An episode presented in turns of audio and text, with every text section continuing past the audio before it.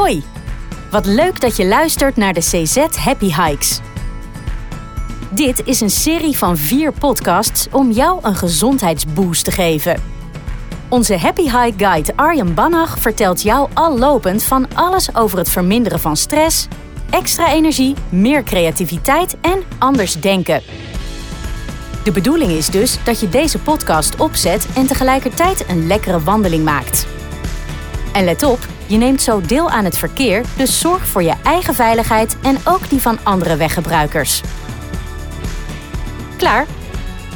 Daar gaan we.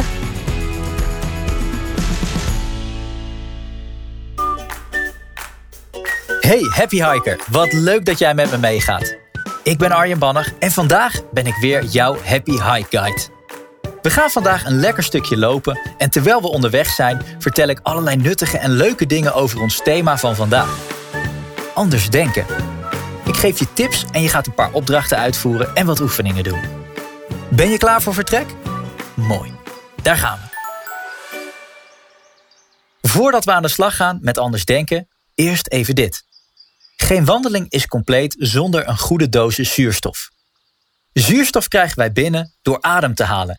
En dat is iets dat we doen zonder erbij na te denken. Het gaat vanzelf. Omdat een groot gedeelte van alle mensen verkeerd ademhaalt, is het goed om hier eens bij stil te staan. Nou, heb je dat gedaan? Mag je nu weer doorlopen. De juiste manier van ademhalen is de neusademhaling. Dus inademen door de neus en uitademen door de neus. Je longen krijgen zo de juiste hoeveelheid zuurstof op de juiste temperatuur toegevoerd. Dat is supergoed voor je gezondheid. Een goede ademhaling gaat trouwens ook naar je buik. Om daaraan te wennen kun je naar je navel toe ademen. Om vandaag echt fijn van start te gaan, oefenen we even samen. Doe maar mee. Adem door je neus in, naar je buik. Neem daar drie of vier seconden de tijd voor. Houd de lucht in je buik ongeveer een seconde vast. Ontspan en adem langzaam door je neus weer uit. Neem daar ook drie of vier seconden de tijd voor. En herhaal. Adem in. 2, 3, 4. Houd vast. En adem uit. 2, 3, 4. Nog een keer. Adem in. 2, 3, 4. Houd vast. En adem uit. 2, 3, 4. Zo. Hoe voelt dat? Ik raad je aan om dit regelmatig ook zelf te oefenen. Dan gaat het steeds gemakkelijker. Het mooie is dat dit bijna altijd wel even kan. Tijdens een wandeling, zoals nu, maar ook aan je bureau, s'avonds op de bank of terwijl je op de wc zit. Kies je moment zorgvuldig. Ik hoop en verwacht dat je je beter en zelfs iets relaxter voelt na een paar rustige, diepe neusademhalingen. Want je beter voelen is het thema van vandaag. Anders voelen begint met anders denken.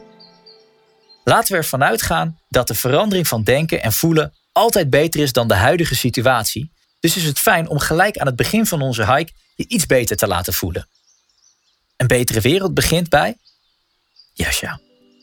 Maar net zo goed begint een betere jij bij jezelf. Als je nu in gedachten loopt te knikken en een hele waslijst aan verbeterpunten over jezelf verzamelt, dan is dit onderwerp uitermate geschikt voor je. Ik ga je wat vertellen over zelfcompassie. Laten we iets breder beginnen bij compassie. Wat is compassie? Kort gezegd is compassie het vermogen om betrokken te zijn bij een ander en bij een lastig gevoel dat hij of zij heeft. Het is dus een soort van medeleven. Maar het is absoluut geen medelijden. Ik leef met je mee is iets anders dan ik leid met je mee. Je kunt het ook zo uitleggen. Compassie betekent dat ik voel waar de ander mee zit.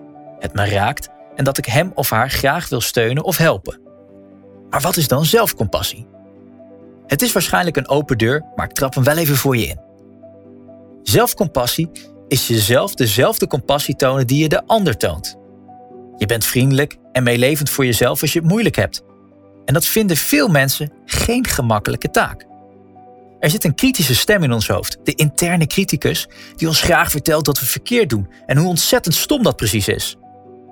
Dingen die je nooit zou zeggen tegen iemand die je lief hebt, zeg je op genadeloze wijze wellicht dagelijks tegen jezelf. Best wel gek eigenlijk, hè? Want stel nou eens dat jouw beste vriend of vriendin je opbelt en vertelt over een flinke blunder die hij of zij gemaakt heeft. Bijvoorbeeld op het werk of tijdens het sporten. Wat zeg je tegen degene die jou belt? Toon je medeleven en stel je hem of haar gerust? Hoor je jezelf al zeggen: Ach, zoiets overkomt toch de beste? Maak je geen zorgen, het komt goed. En mensen zijn het zo weer vergeten. Maar wat als jij zelf nu die blunder begaat? Zeg je dan hetzelfde tegen jezelf? Toon jij dan net zoveel compassie voor jezelf? Al die kritiek die je jezelf soms bewust en vaak ook onbewust geeft, kan tot spanning en stress leiden en het kost je zoveel energie. Uit onderzoek blijkt dat zelfkritiek evenveel invloed op je heeft als kritiek van buitenaf. En mocht je denken, of misschien wel opgevoed zijn, dat al die strenge woorden je verder brengen in het leven, omdat je jezelf daarmee motiveert tot verbetering, ook dat is onderzocht en het klopt niet. Mensen die motivatie halen uit zelfkritiek lopen vaak vast. Mensen die motivatie uit zelfcompassie en positiviteit halen, bereiken juist veel meer. Meer zelfcompassie leidt tot minder angst en meer succes. Je hebt een grotere kans om je doelen te bereiken terwijl je gelukkiger bent met jezelf. Je mag dus best wel wat aardiger zijn voor jezelf. Maar hoe doe je zoiets? Er zijn drie stappen. Stap 1. Probeer te signaleren en te benoemen wat datgene is wat je moeilijk vindt. Dat klinkt logisch, maar het is belangrijk dat je aandachtig omgaat met je innerlijke criticus. En wat zeg jij dan tegen jezelf? Stap 2. Onthoud dat je niet de enige bent die dit meemaakt of voelt. Je kunt je alleen en kwetsbaar voelen als je iets moeilijks voelt. Maar onze emoties zijn universeel. Probeer even uit te zoomen en de situatie van meerdere kanten te bekijken. Kun je het geheel overzien? Wat gebeurt er allemaal? Stap 3. Lief zijn voor jezelf. Nu je voelt wat er gebeurt en je hoort wat je tegen jezelf zegt en je de situatie met enige nuchterheid kunt bekijken, klopt wat je tegen jezelf zegt dan wel? Of kun je die innerlijke criticus tegenspreken? Kun je zelfcompassie inzetten? Wat heb je nu nodig om je beter te voelen? Oké, dit klinkt allemaal niet zo moeilijk, maar anders denken en anders doen valt nog niet mee. Vaak weten we rationeel wel hoe het anders kan, maar blijven we toch in dezelfde valkuilen lopen. Hoe komt dat toch? Dat komt doordat we gewoontedieren zijn. We houden enorm van bekende wegen. Je hersenen werken super efficiënt op de dingen die routine zijn geworden. Denk maar eens terug aan de eerste keer dat je ging fietsen. En stel je nu eens voor dat je dagelijks zo zat te klungelen op het zadel. Slingeren, vallen, pleisters plakken, potje janken, slingeren, vallen en ga zo maar door. En dat werkt met alles zo. Bij het aankleden koffie zetten, koffie drinken, boterhammen smeren. De dag is nog niet begonnen of je kunt alweer terug naar bed. Als mens kun je zo simpelweg niet functioneren. Daarom leer je dingen en worden ze routine. Dat scheelt veel tijd en energie en is ontzettend efficiënt. Maar als je eenmaal iets aangeleerd hebt, leer je het heel moeilijk weer af. Ook als het iets is dat niet goed is voor je. En ook als je dat eigenlijk wel weet. Waar we ook gewoontedieren in zijn, is het omgaan met onbekende situaties.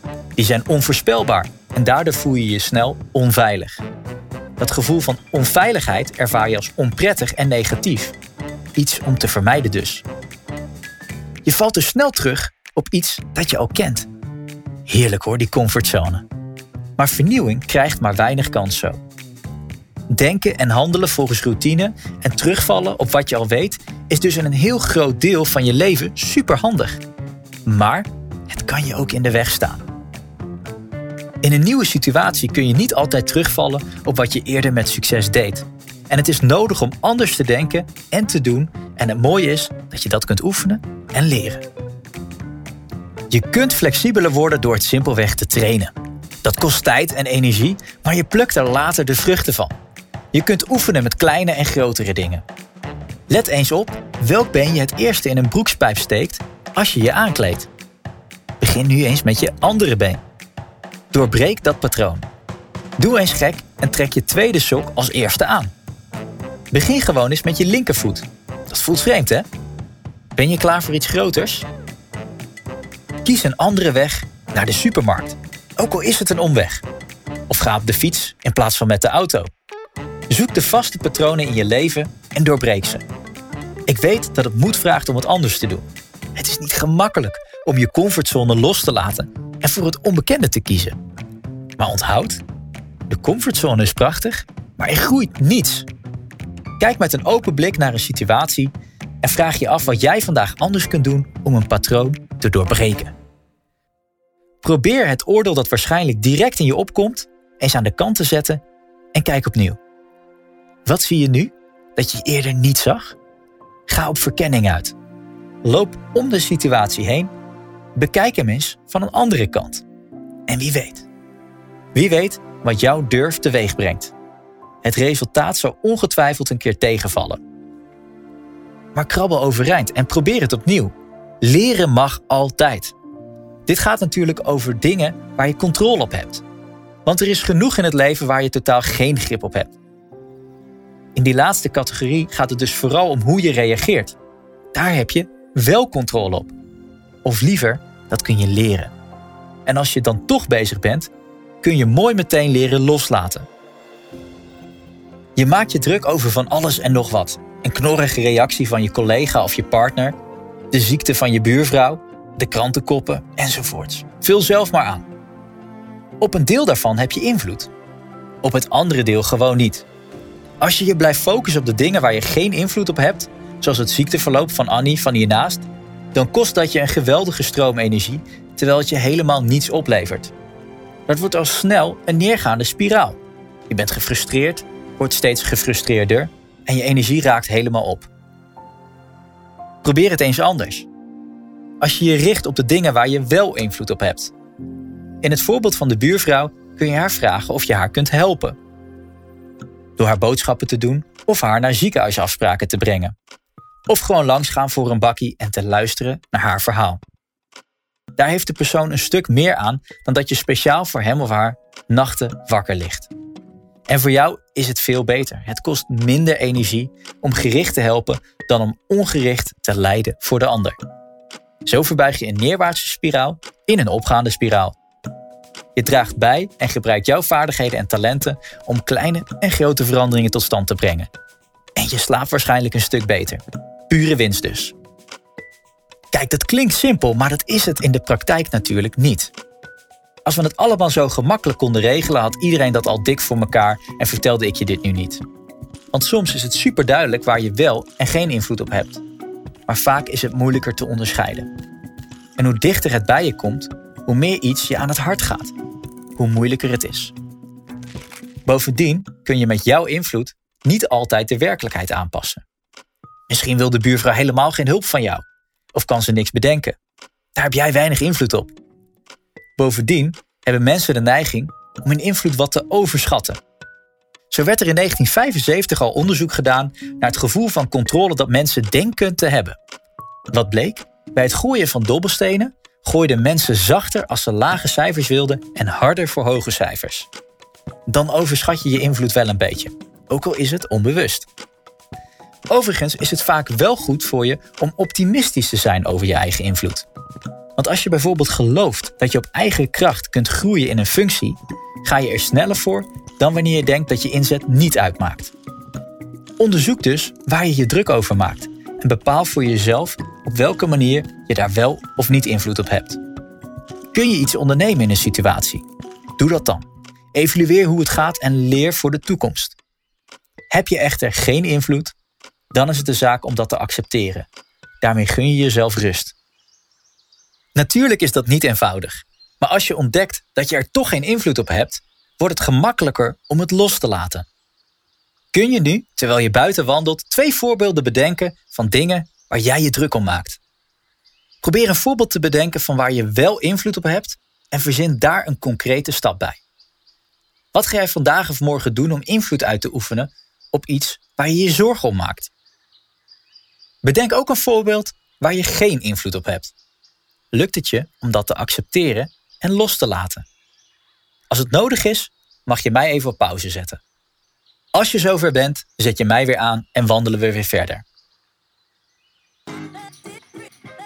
Een andere manier van omgaan met je zorgen is omdenken. Je hebt er vast al eens van gehoord. Omdenken is een manier om anders naar problemen te kijken. Het is een soort anders denken voor gevorderden, terwijl het basisprincipe niet heel ingewikkeld is. We zien problemen als lastige dingen waar we snel vanaf willen.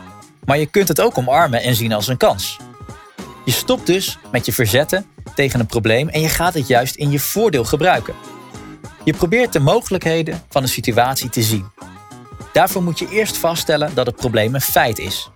Misschien kom je dan tot de ontdekking dat je problemen ziet die er feitelijk niet zijn. Is jouw probleem een feit? Dan ga je op zoek naar de mogelijkheden die het met zich meebrengt. Het zoeken naar die mogelijkheden kun je op verschillende manieren aanpakken. En eigenlijk zijn die manieren niet nieuw. De oude Grieken wisten al dat het niet zozeer gaat om het probleem dat voor je ligt, als wel de manier waarop jij er tegenaan kijkt en ermee omgaat. Anders gezegd, je ziet de wereld niet zoals hij is, maar zoals jij bent. Je kunt wachten tot een probleem vanzelf voorbij gaat. Je kunt proberen in te zien wat wel goed gaat, door bijvoorbeeld van een vijand een bondgenoot te maken. Ook hier begint het met accepteren. Is er iets waar je simpelweg niet omheen kunt? Tja, dan sta je voor een voldongen feit en het heeft geen zin om hoog of laag te springen. Een voorbeeld hiervan is in de file staan. Tenzij je graag de wet breekt en op de vluchtstrook of door de berm wilt rijden, kun je er geen fluit aan doen. Zoek dus liever naar een manier om de situatie gezelliger te maken. Met een zakje drop of een mooi muziekje. Of je belt een goede vriend of vriendin. Iets dat het feit dat je in de file staat beter maakt. Want als het niet gaat zoals het moet, dan moet het maar zoals het gaat. We gaan het samen oefenen. Denk eens aan een probleem in jouw leven. Probeer eerst vast te stellen of het echt een feitelijk probleem is. Nee? Mooi, dat is dus opgelost. Die beer op de weg heeft zich stilletjes in de bossen teruggetrokken. We proberen het nog een keer. Is het een feitelijk probleem? Ja, dan ga je omdenken door de volgende zin af te maken. Gelukkig heb ik dit probleem, want daardoor vul het maar eens aan met een voordeel. Hoe voelt dat? Lukt het niet in je eentje? Bel dan straks even naar je happy high collega of bespreek het met je partner. Of beter nog, met een kind. Kinderen kunnen als de beste anders denken, omdat ze geen vastgeroeste denkpatronen hebben. Je kunt ook op een andere manier voor je eigen fysieke en mentale welzijn zorgen door op een andere manier met denken om te gaan. En dat is mediteren. En mediteren is een 50-50 onderwerp. De ene is er dol op, de andere vindt het zweverige onzin. Zoals voor vrijwel alles in het leven geldt, een methode kan wel of niet bij je passen, geen probleem. In sommige gevallen is het wel goed om eerst een beetje meer te weten over het onderwerp voordat je het afschrijft. Dus voor de sceptici, hier volgt wat informatie over mediteren en hoe je ermee kunt oefenen. Het is goed om te weten dat er vanuit wetenschappelijke hoek onderzoek wordt gedaan naar de gevolgen van regelmatige meditatie. Dat doen ze in het Radboud UMC bijvoorbeeld ook. Zij stellen dat meditatie draait om het aandachtig observeren van jouw ervaringen in het moment. Met aandacht in het hier en nu zijn dus. En volgens deze onderzoekers zijn de mogelijke voordelen van meditatie niet mals. Zo noemen zij het verzachten van chronische pijn, tevredenheid in relaties terugwinnen, het verminderen van depressies, stress en angst, maar ook het verminderen van gedragsproblemen en ADHD. Dus misschien is het best een poging waard. Maar misschien heb je het ook al eens gedaan. Hoe ging dat? Als beginner ben je misschien meteen in aanraking gekomen met een paar veel voorkomende problemen. Bijvoorbeeld dat je hoofd druk blijft, maar je been meteen in slaap valt. Of je krijgt ineens jeuk. Of je denkt vooral, dit wordt niks, dit wordt niks, dit wordt niks. De verlichting waar je op hoopte en de bijbehorende gelukzalige glimlach en het aureooltje boven je hoofd blijven uit. Niks verhevenheid. Als ik heel even mag omdenken, het is wel gelijk een stuk minder zweverig. Misschien heb je een plannetje nodig en moeten er een paar misverstanden uit de weg gewerkt worden. Laten we eens stapsgewijs door het meditatieproces lopen. Misschien spreekt iets je aan, waardoor je het vanmiddag of vanavond toch wil proberen. Onthoud vooral dat het geen toverwerk is. Zoals je misschien al hebt gemerkt toen je het een keer probeerde, het gaat niet vanzelf. Je bereikt niet meteen totale kalmte en de levensveranderende inzichten laten op zich wachten. Dat is normaal, dat hoort er gewoon bij.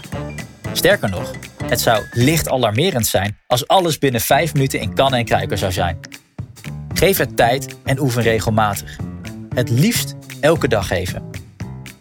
Je hoeft niet als een interessante pretzel of buigzame kraanvogel te gaan zitten of staan. Je houding maakt niets uit. Het gaat erom dat jij je prettig en comfortabel voelt en een poosje zo kan liggen, zitten, staan, lopen of hangen. Zorg gewoon dat je je goed voelt. Misschien ontdek je dat je een houding hebt gekozen waarin een lichaamsdeel prompt in slaap valt. Dan mag je dus gewoon van houding veranderen. Hè? Het is niet alsof het dan ineens niet meer als meditatie telt. Wapper dat been wakker en zet gewoon door. Het kan trouwens ook zo zijn dat je na een poosje wakker schiet omdat je blijkbaar weggesukkeld was. Dan was je waarschijnlijk toe aan een dutje en mag je jezelf meditatiekampioen noemen. Gefeliciteerd, je hebt totale rust gevonden. Uit ervaring blijkt dat dagelijks even mediteren helpt bij het oefenen en beter worden in mediteren. Dat betekent natuurlijk niet dat je uren per dag moet investeren en je volledige levensritme overhoop moet. Begin bijvoorbeeld eens met dagelijks 3, 5, 7 of 10 minuten. Als je het prettig vindt, zet je een wekkertje. En als je je dan binnen een minuut verveelt, kun je jezelf overhalen om toch nog even te blijven zitten. En als je een beetje wegzakt, hoef je je geen zorgen te maken dat je een kleine vier uur later wakker schiet. Maar wat doe je dan in die 3, 5, 7 of 10 minuten? Vooral ademen eigenlijk. Vaak helpt het om je ogen dicht te doen. Maar je kunt ook zonder veel focus naar een vast punt kijken. Dan richt je je op de inmiddels bekende neus-buikademhaling.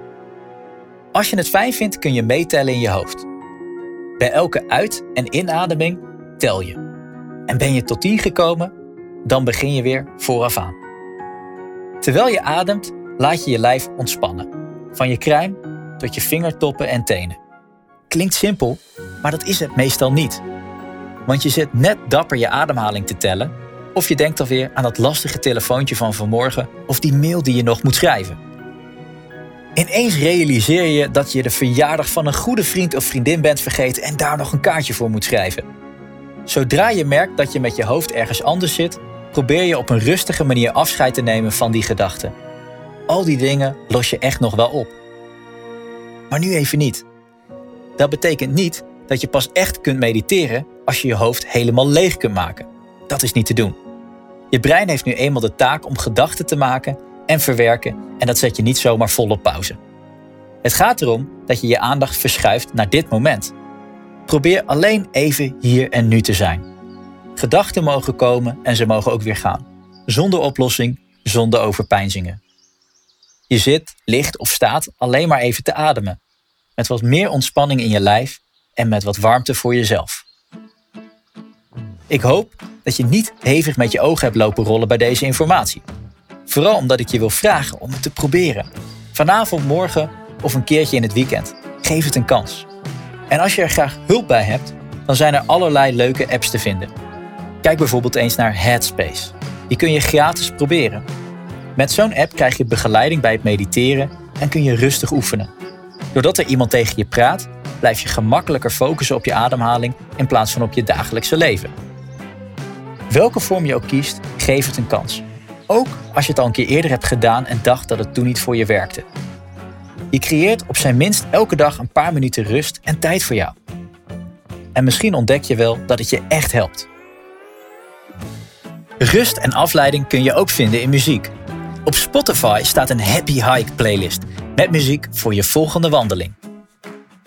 Nu zijn we weer bijna aan het einde van onze wandeling gekomen.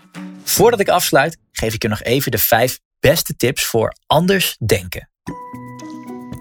Wees eens wat vaker liever voor jezelf. Gun jezelf wat zelfcompassie. Verlaat je comfortzone en doorbreek je patronen. Bedenk waar je wel en geen invloed op hebt. Leer omdenken en dans met de beren op jouw weg. Creëer voor jezelf iedere dag een bewust rustmoment. De helft noemt dit misschien meditatie, jij noemt het zoals je het zelf wil noemen. Maar geef het echt een kans door het een paar dagen achter elkaar te proberen. En je zult het verschil gaan merken. Ik ben benieuwd wat anders denken voor jou gaat opleveren. Bedankt voor deze fijne wandeling samen en tot de volgende keer. Deze happy hike werd je aangeboden door CZ. Ben je van plan om meer te gaan wandelen of op een andere manier aan een gezonde leefstijl te werken? Minder stress of beter slapen? We helpen je bij CZ graag verder op weg. Van voedingstips tot korting op je nieuwste sportoutfit. Ontdek op cz.nl/slash gezonde leefstijl welke gezondheidsvoordelen we jou als verzekerder nog meer te bieden hebben.